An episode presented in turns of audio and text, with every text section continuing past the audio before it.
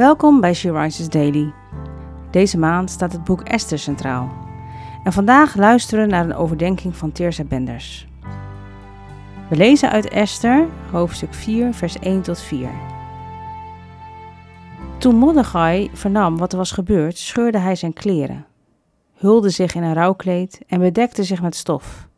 En zo ging hij de stad door, terwijl hij luid en bitter klaagde. Voor de koningspoort bleef hij staan, want het was niet toegestaan deze in rouwkleding binnen te gaan. In alle provincies heerste onder de Joden diepe rouw, zodra het bevel en de wet van de koning er bekend werden. Ze vasten, helden en weeklaagden, en velen hulden zich in een rouwkleed en legden zich neer in het stof. Esther's dienaressen en de eneugen die haar dienden, brachten Esther op de hoogte. De koningin was hevig geschokt en liet Mordechai kleren brengen, opdat hij die zou dragen in plaats van zijn rouwkleed. Maar hij wilde ze niet aannemen. Kun je het je voorstellen? De massale rouw bij de Joden door de beslissing die de koning Ahasveros genomen heeft? Wat een haat moet Haman in zijn hart gedragen hebben om zo een heel volk uit te willen roeien.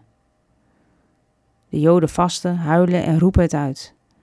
Hun rouw is zichtbaar voor iedereen, maar hun pijn en verdriet is bovenal zichtbaar bij God.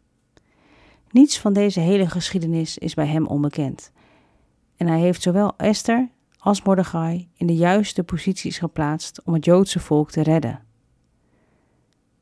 Naar wie vlucht jij in je verdriet?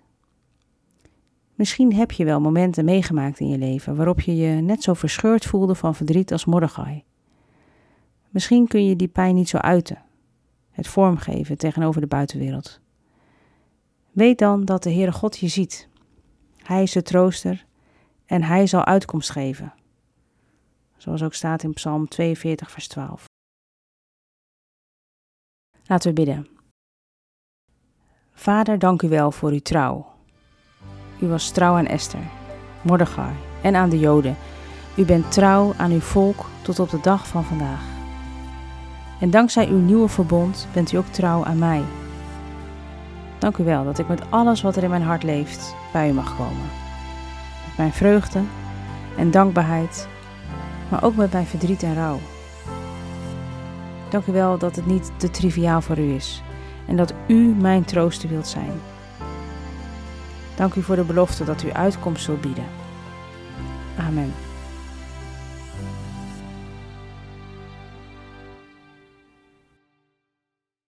Je luistert naar een podcast van She Rises.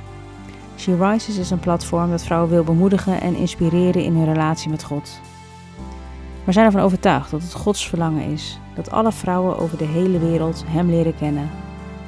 Kijk op www.she-rises.nl voor meer informatie.